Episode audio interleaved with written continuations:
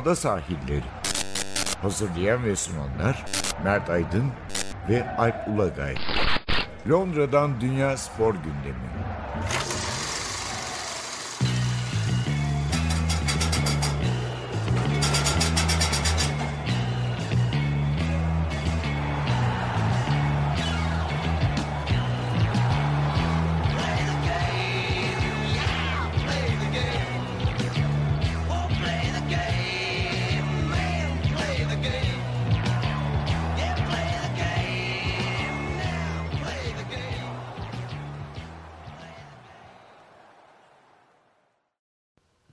Ada sahillerinden merhabalar. Ben Alp Ulagay. Ben Mert Aydın. 2019'un son programında beraberiz. Geçen hafta futbolda 2010'ları bitirmiştik. Böyle bir değerlendirme yapmıştık. Evet. İşte e, en unutulmaz maç, en unutulmaz gol. Bu sefer de dünya sporunda 2010'larda neler kaldı aklımızda bir onları konuşacağız. E, iki olimpiyat vardı değil mi 2010'larda? İki yaz Yani olimpiyatı vardı. üç, Üç kış üç olimpiyatı. kış, iki yaz. İki yaz olimpiyatı vardı. Neler kaldı aklımızda? Böyle en dominant sporcular. Herhalde e, 2002 olimpiyatta da daha duble yapmasıyla değil mi? Hüseyin Bolt'tan bir Tabii. Yani onu lazım. zaten ezberden söylememiz gerekiyor. Evet yani aslında ilk zihinlerde yer eden olimpiyatı bir önceki 10 yıldaydı ama onu sürdürmeyi başardı ve e, Hüseyin Bolt'a kadar biliyorsunuz e, e, 100-200 dublesini iki olimpiyatta yapabilen zaten kimse yoktu. O bir de üçüncüde de yapmayı başardı. E, gerçekten sıra dışı özelliğini bu 10 yılda da sürdürdü. E, dünya rekorları tabii gelişmedi artık. O iki- Evet. 2009'dan Ve tabii şunu da söyle. sonra. Bence yani Hüseyin Bolt'un ileride de konuşulacak en önemli özelliği yani bunların yanında ee, ben ona şey diyeyim, halkın şampiyonu. Yani halkla iç içe her zaman e, şey yapan hani mesela Roma'da Diamond League yarışı yapılıyor. Yarıştan bir saat önce geçit töreni yapıyorlar. Ö- en önde bir arabanın üstüne çıkıyor açık arabanın. Seyirciye acayip acayip işte meşhur şu el hareket meşhur onun hareketi var ya. Dap mıydı? Ha, onları yapıyor bilmem ne. Yani her e, çünkü hani geçmişte de çok mesela Carl Lewis de çok büyük bir atletti ama hiçbir zaman çok yakın bir adam değildi seyircilerle. Taraf e, şey Hey, atletist tabii, severlere. hani, değil mi? Mesela Carl Lewis'ten ne beklenir? İşte uzun atlamada sonuna kadar atlayışları yapsın. Üç atlayışı yapmaz çekilir mesela. Diğer yarışları düşündüğü için. Ama Hüseyin Bolt öyle değil. Hüseyin Bolt tam bir showman tabii showman. Yani E, o medya çağının tam herkesle fotoğraf şey. çektirir, herkesle e, konuşur, e, gider futbolculuk yapar. Ben oynayacağım der. Avustralya Ligi'nde futbola başlar. Yani değişik de kendine has bir karakter. Yani o yüzden de herhalde e, bu rekorları ileride bir gün kırılsa bile unutulması mümkün olmayacak bir karakter. karakter değişik kendine has e, tarzıyla. E, ama tabii 2010'lu yıllarda onun için komik bir olay oldu. 2011'deki Dünya Şampiyonası'nda e, 100 metre finalini kazanamadı. Çünkü hatalı çıkış Evet, yaptı. e, yani yeni sayılan değil mi? Herhalde o kural ne zaman değişmişti? 2000'lerin sonunda mı değişmişti? O, o, o şampiyonada değişmemiş miydi? Galiba çok yakın yani. İlk uygulandığı şeylerden biri artık Ve de o kadar net yaptı ki Evet. yani e, hani bekleyelim bir bakalım olmadı çıplak gözle görülebilecek bir hatalı çıkış yaptı. Çünkü genelde fodeparlar çok e, anlık oluyor. Bazen hatta bizim hata çıkış yaptığını düşündüğümüz adam olmuyor. Onun onu tetikleyen kişi hata çıkış yapıyor ama burada o kadar netti ki onun hatalı çıkışı yaptığı. E, Johan Blake kazandı o. Onun kazanamadığı o e, yarışı. Belki de e, hani onun korkusundan 2010'lu yılların en büyük sürprizlerinden biri oldu diyebiliriz. Evet, çünkü Bolt'un çok dominant olduğu bir dönemde e, Evet, evet. muhtemelen yarışsa da kazanacağı bir yarışta olduğu için e, herhalde e, kaybettiği tek önemli şampiyonluk diyebiliriz. Yani 2016'ya kadar. E, herhalde erkeklerde erkek tenisinin üçlüsüne söyleyebiliriz ve kadınlarda Evet, Serena Williams'e değil mi? Yani Evet. 2010'larda da bu tenisçiler hakimiyetlerini Ay, benim korkum 2029 programımızda da aynı şeyi söylüyor olabilir miyiz? yani bu Federer'le Djokovic hala Ya oynuyorlar. geçen gün esas sana e, şey çok bomba. E, İngiltere'de çok popüler bir quiz show var Chase diye. Hı hı. E, orada e, 4-5 tane chaser denen ve e, Britanya'nın en önemli quiz şampiyonları. Onlara karşı insanlar yarışıyorlar. Mücadele ediyorlar. Onlardan biri Paul Sina. Paul Sina e, Hint kökenli bir İngiliz. Doktor aslında ama aynı zamanda komedyen. E, aynı zamanda da quiz şampiyonu Britanya'nın.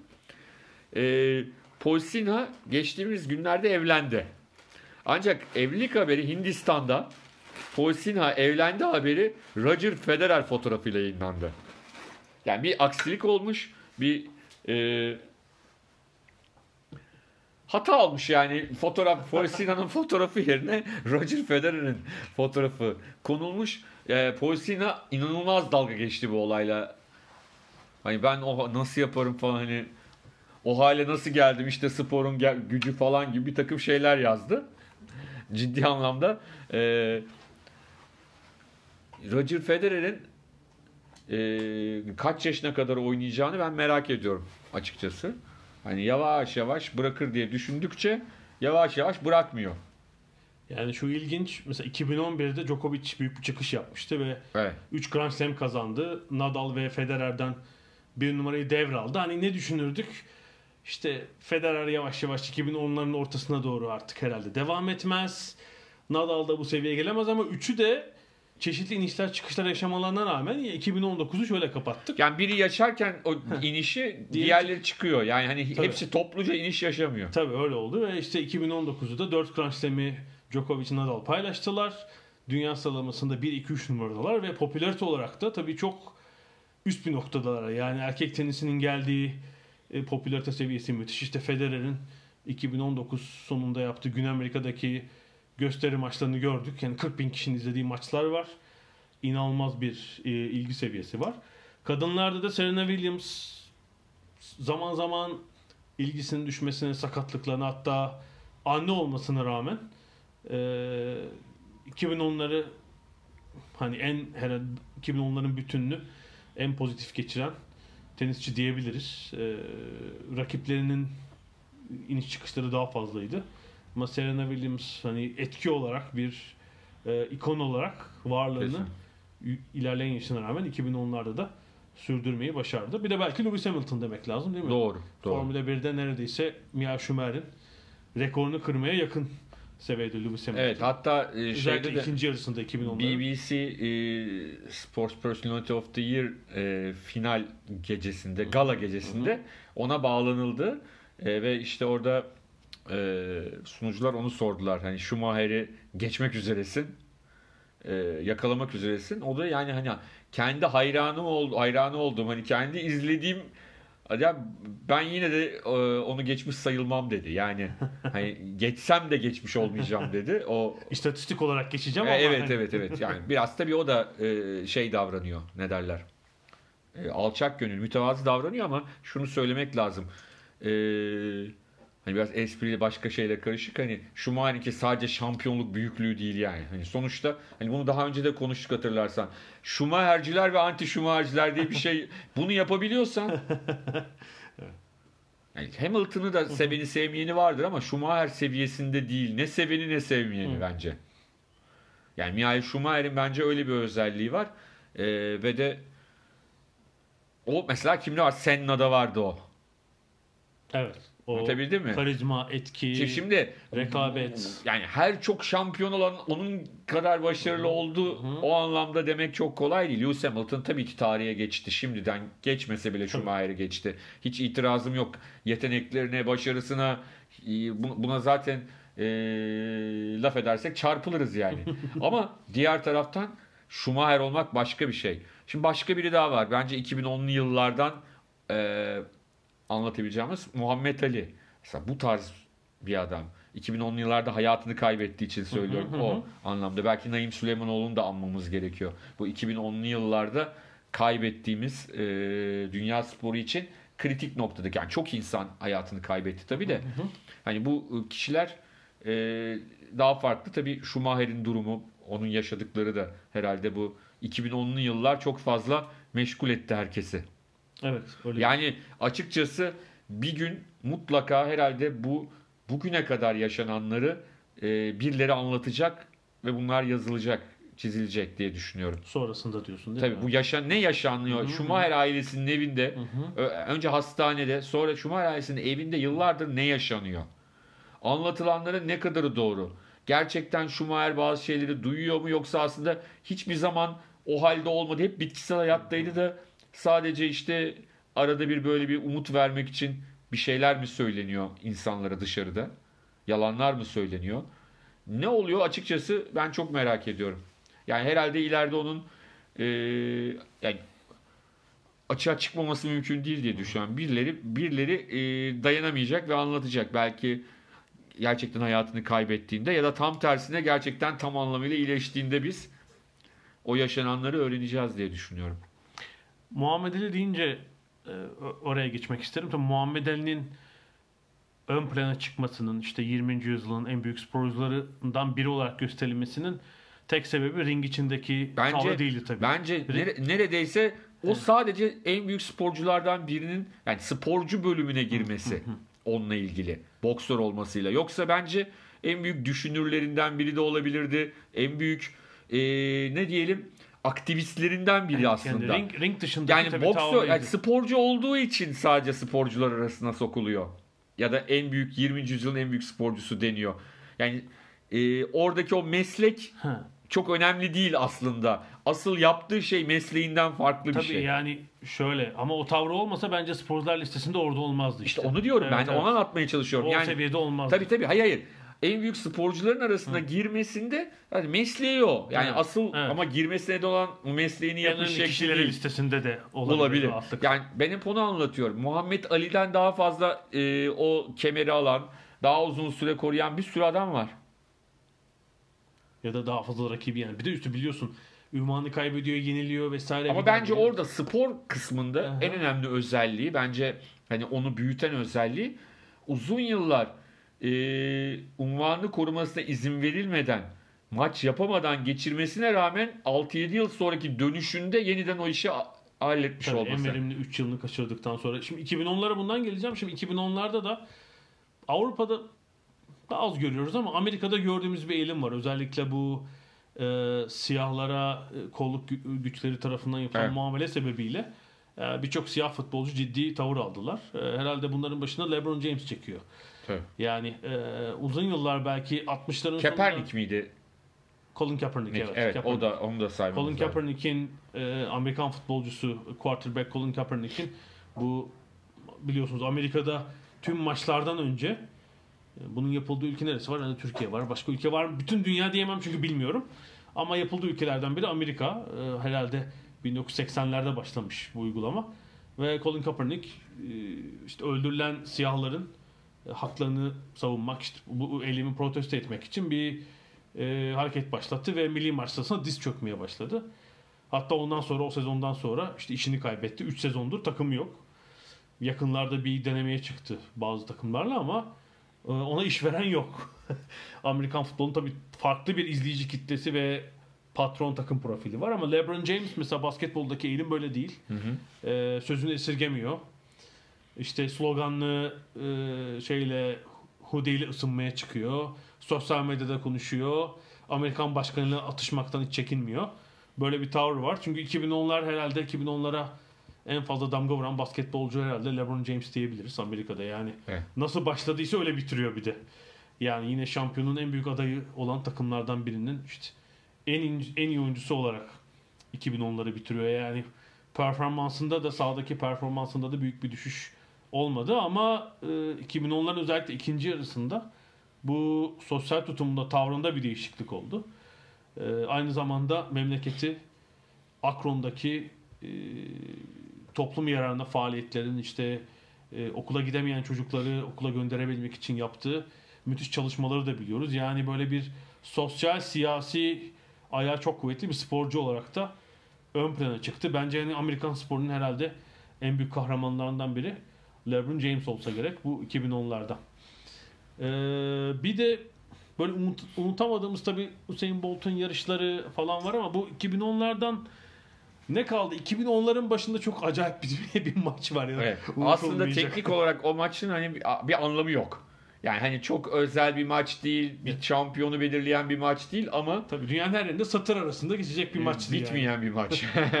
Ve o sırada ben de o maçın yayıncısı olan kuruluşta görev yapmaktaydım NTV'de, NTV Spor'da.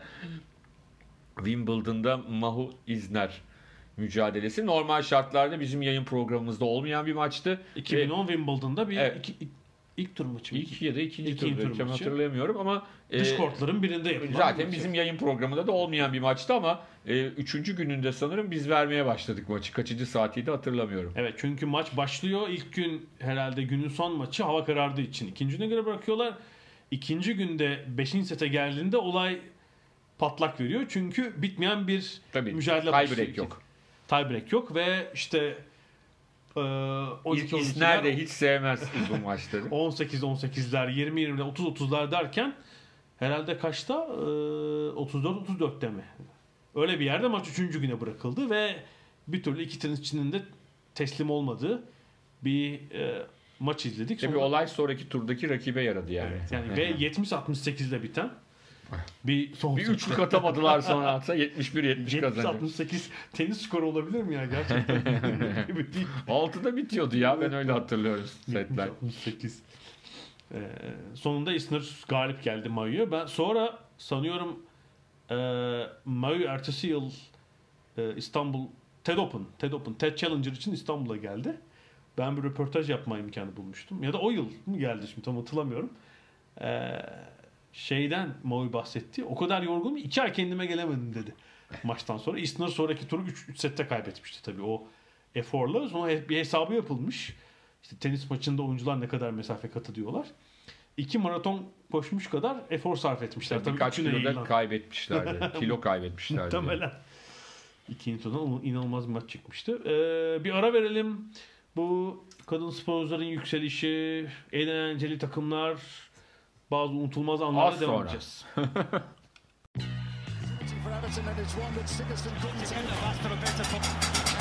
Ada sahilleri.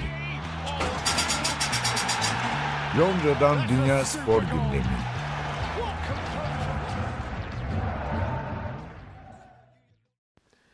Ada sahillerinde 2010'ları konuşmaya devam ediyoruz. Ee, 2010'larda böyle izlemeyi çok sevdiğimiz işte şeyi konuştuk. Ee, erkekler tenisini, e, Hüseyin Bolt'u konuştuk.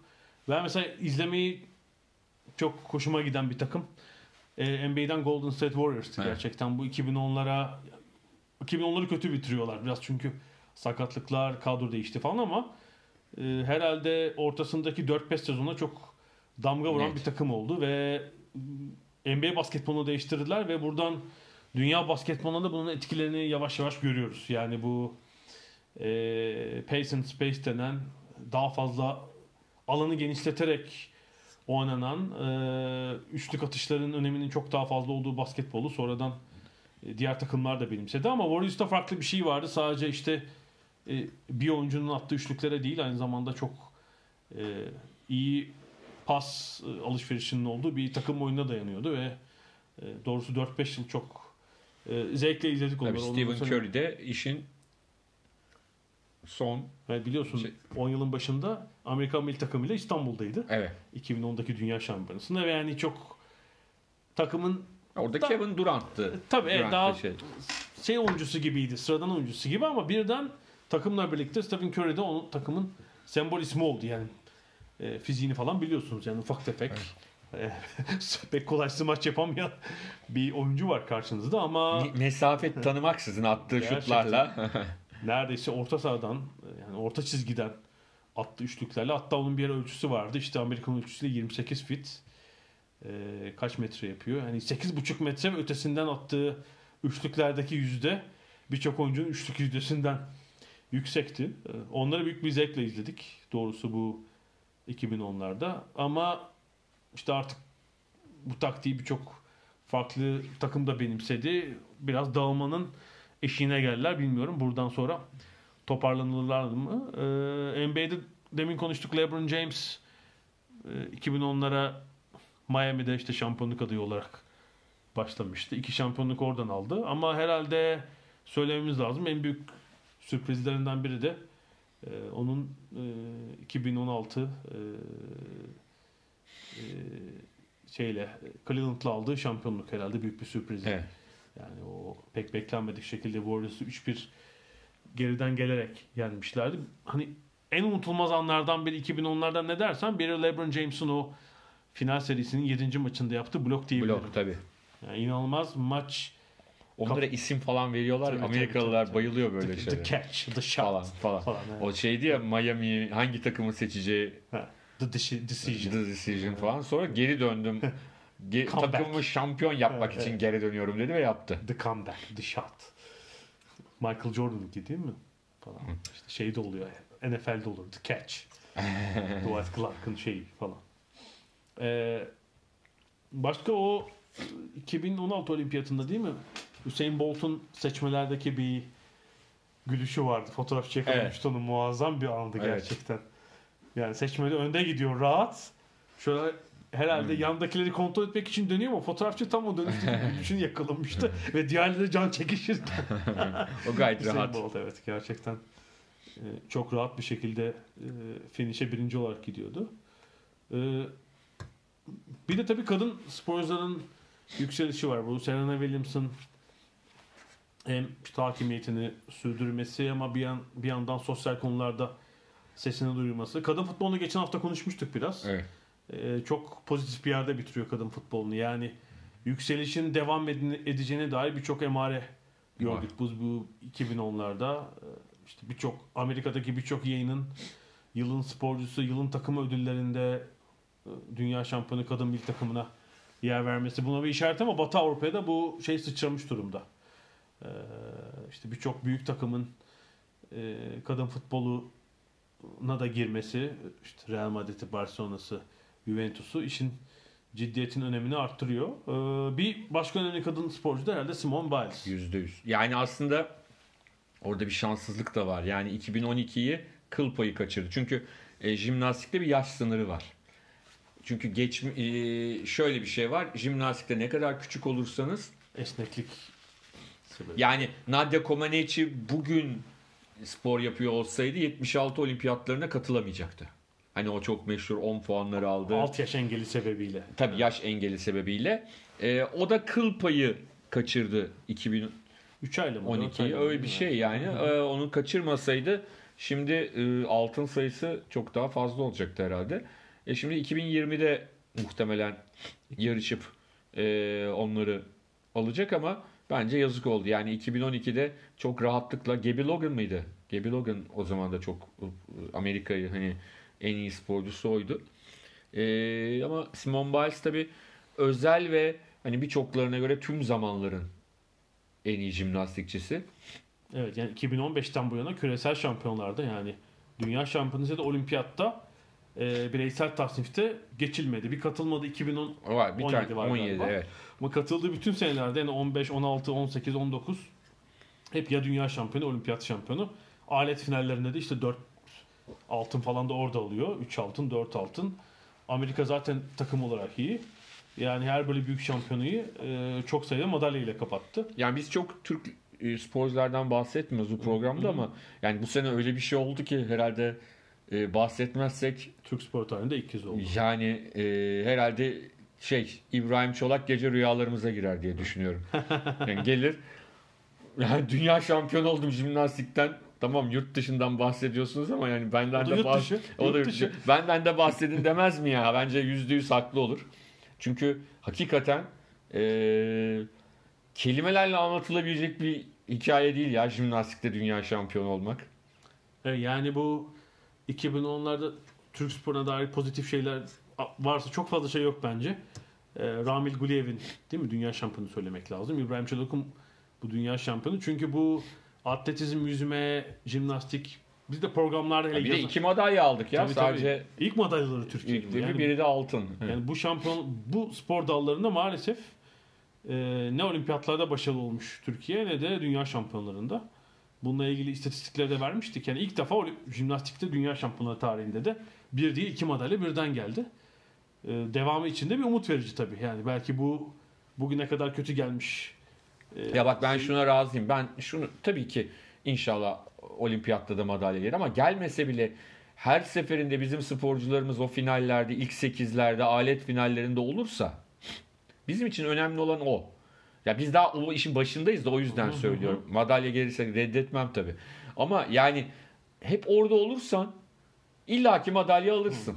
Yani hep o ilk 8'de, hep o e, aletlerde ilk 8'de sporcuları olursa o sporcuların olursa takımın yarışabilirse takım tasnifte e, o zaman yani olacak ya bu iş olur.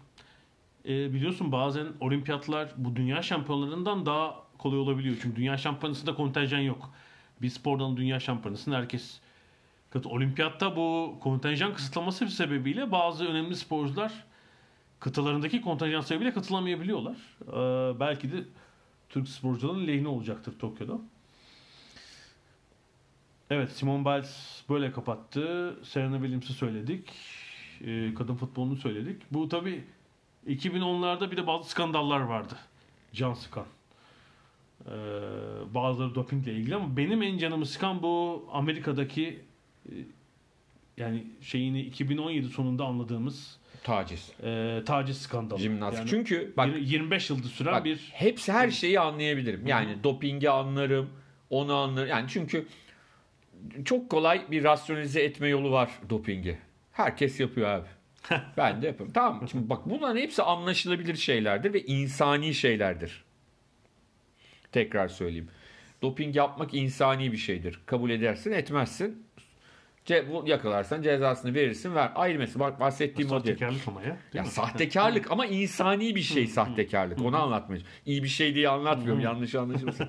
sahtekarlık insani bir şeydir. Anlık kurban gidebilirsin. Bir şeye ihtiyacın olur. Başarı e, hırsın ön plana çıkar. Ama abi çocuk tacizinin açıklanabilir.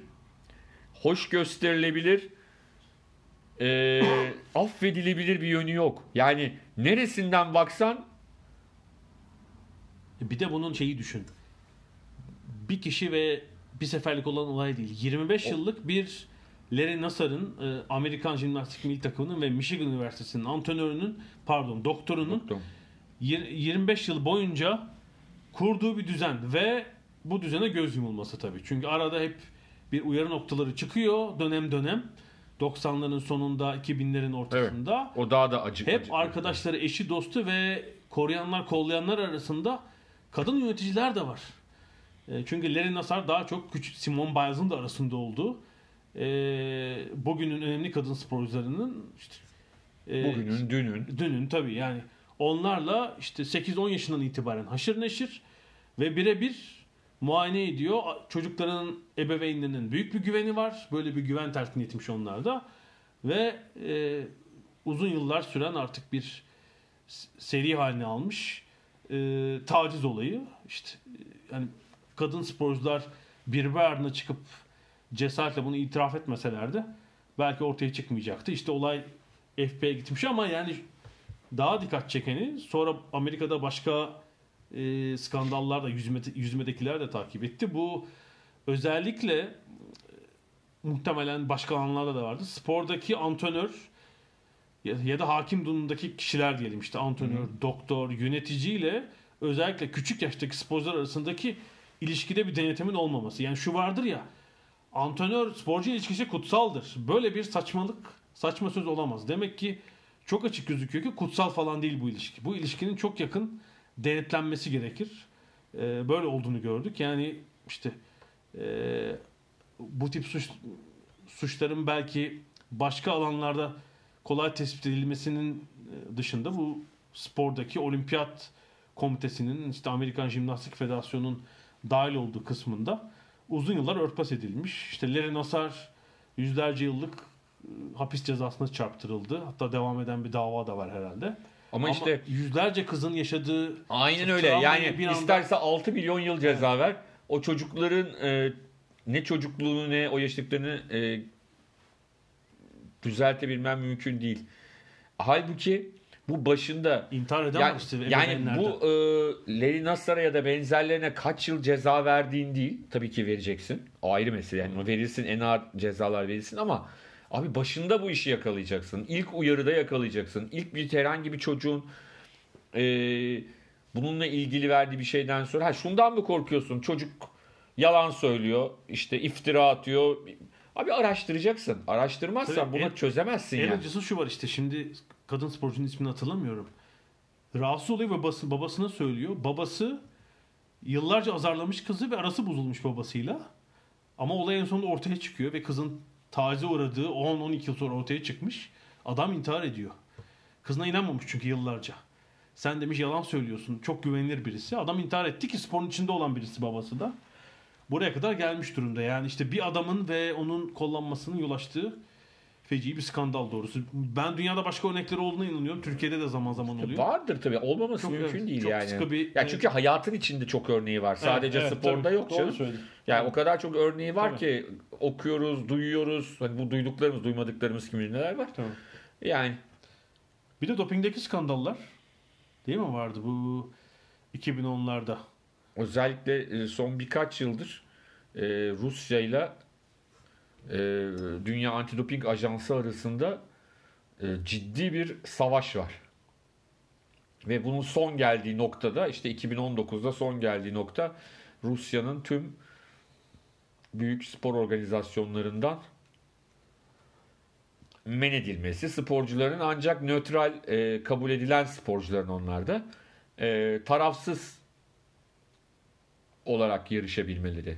Yani kendi ülke bayraklarıyla değil. Aslında birkaç yıldır atletizmde bunun gerçekleş bu böyle yapılıyordu zaten.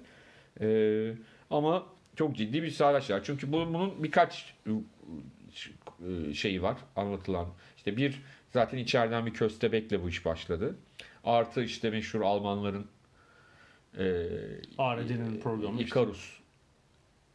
Önce ARD'nin şeyi var sonra da Sonra Icarus Icarus var. Önce ARD var sonra Icarus var. Şubenkovlar var değil mi? Evet evet zaten. Ondan sonra yani e, bunlar var. işin bu yönü var. Bir de e, Rusları savunanların söylediği bence onların da hakkı var ama ortada bir şey olmadığı için haklı değiller. Yani o, o konuda haklı değiller. Bence Bir tek bizim, bir tek Rusya'da mı var? yani evet. Onun da yani o konuda şöyle haklılar. Bu Rusları şey yapmaz. Suçsuz yapmaz bu arada onu da söyleyeyim. Ama bir şey yapıyorsanız tam yapacaksınız. Hani bir kısmına sadece belli ülkelerle ilişkileri iyi değil diye bir, bir yere yapıp diğerlerine hiç dokunmazsan o zaman da şey oluyor. Ne derler? O zaman diğerlerinin eline koz veriyorsunuz. Yani Rusların eline koz veriyorsun. Rusya diyor ki böylelikle. Ya bak orada işte 80 kişi yakalanmış Kenya'da. E 80 kişi yaptığına göre bu devlet şeyi değil mi yani? Hani devletin hiç mi hep görmemişler mi devletten kimse? Rusya'nınkinde biraz bana farklı gelen bir tek bir spor dalıyla Tabii, kısıtlı tabii. değil. Yani kız sporları var, atletizm var içinde. Benim hiç Çok- itirazım Çok yok. spor- Benim İkincisi, derdim başka. dev- devlet kurumlarının bu işin destekçisi gibi gözükmesi. Evet. Yani bir e, 1960'lar, 70'ler, 80'lerdeki Doğu Almanya'nın durumuna benzer bir durum var. Ama mesela Amerika'ya gidersek Amerika'daki duruma bakalım. Amerika'da tabii devlet destekli olmaz. Çünkü Amerika'da spor zaten özel bir faaliyet.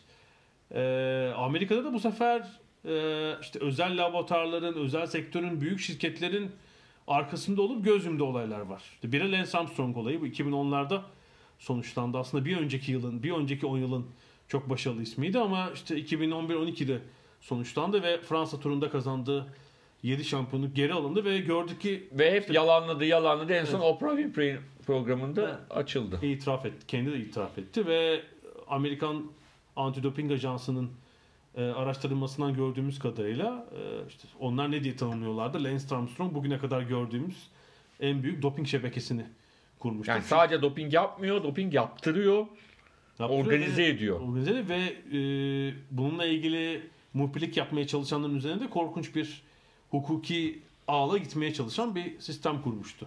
Lance Armstrong. Bilmiyorum. Hatta şöyle şeyler var. Yani diğer kitaplardan yazılan bir sürü çünkü e, kişi kitap yazdı. Gazeteciler, eski bisikletçiler e, üstüne hani mesela aynı onunla aynı takımdayken ayrılanların üstüne daha fazla doping kontrolü yapılması için gidiyor mesela. Hani Dünya Bisiklet e, Uluslararası Bisiklet Federasyonu'nu da manipüle ediyor. Yani bu şekilde iki komple sistem kurmuş. Tabii iki, iki kere e, testte yakalandı ama bunun halı altına süpürüldü de. Çünkü en büyük şeyi neydi bunun?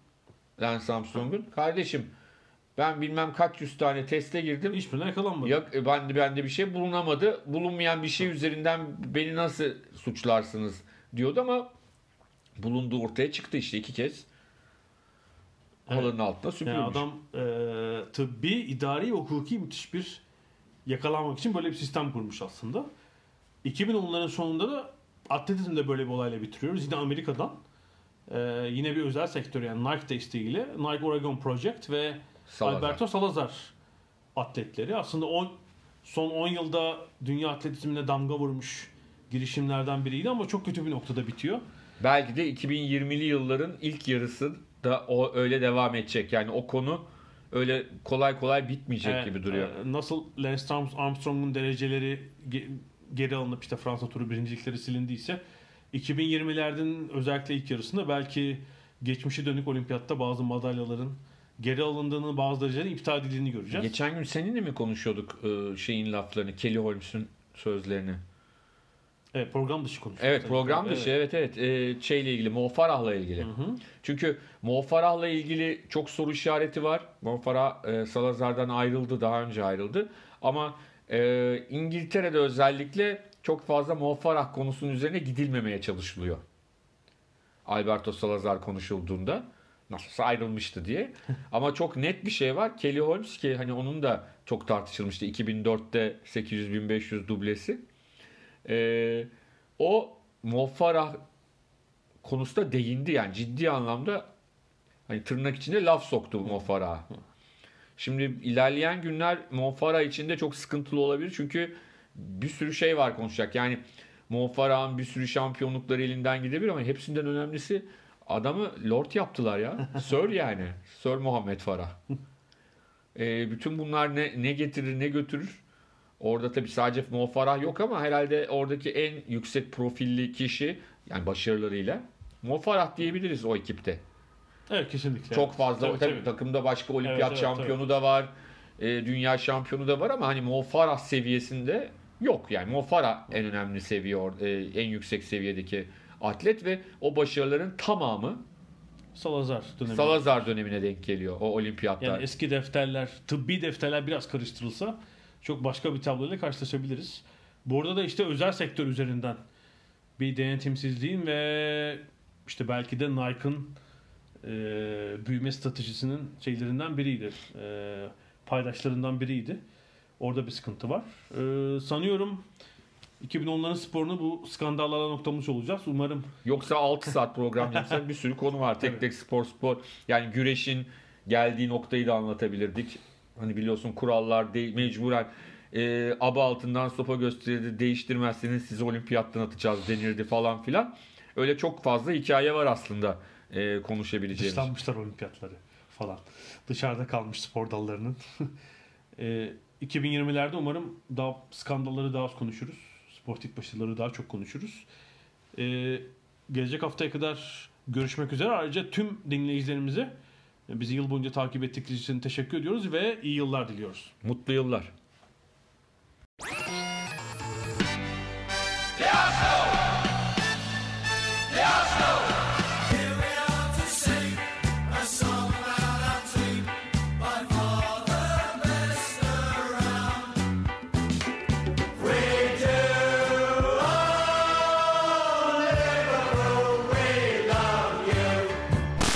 Ada sahilleri. Hazırlayan ve sunanlar Mert Aydın ve Alp Ulagay. Londra'dan Dünya Spor Gündemi.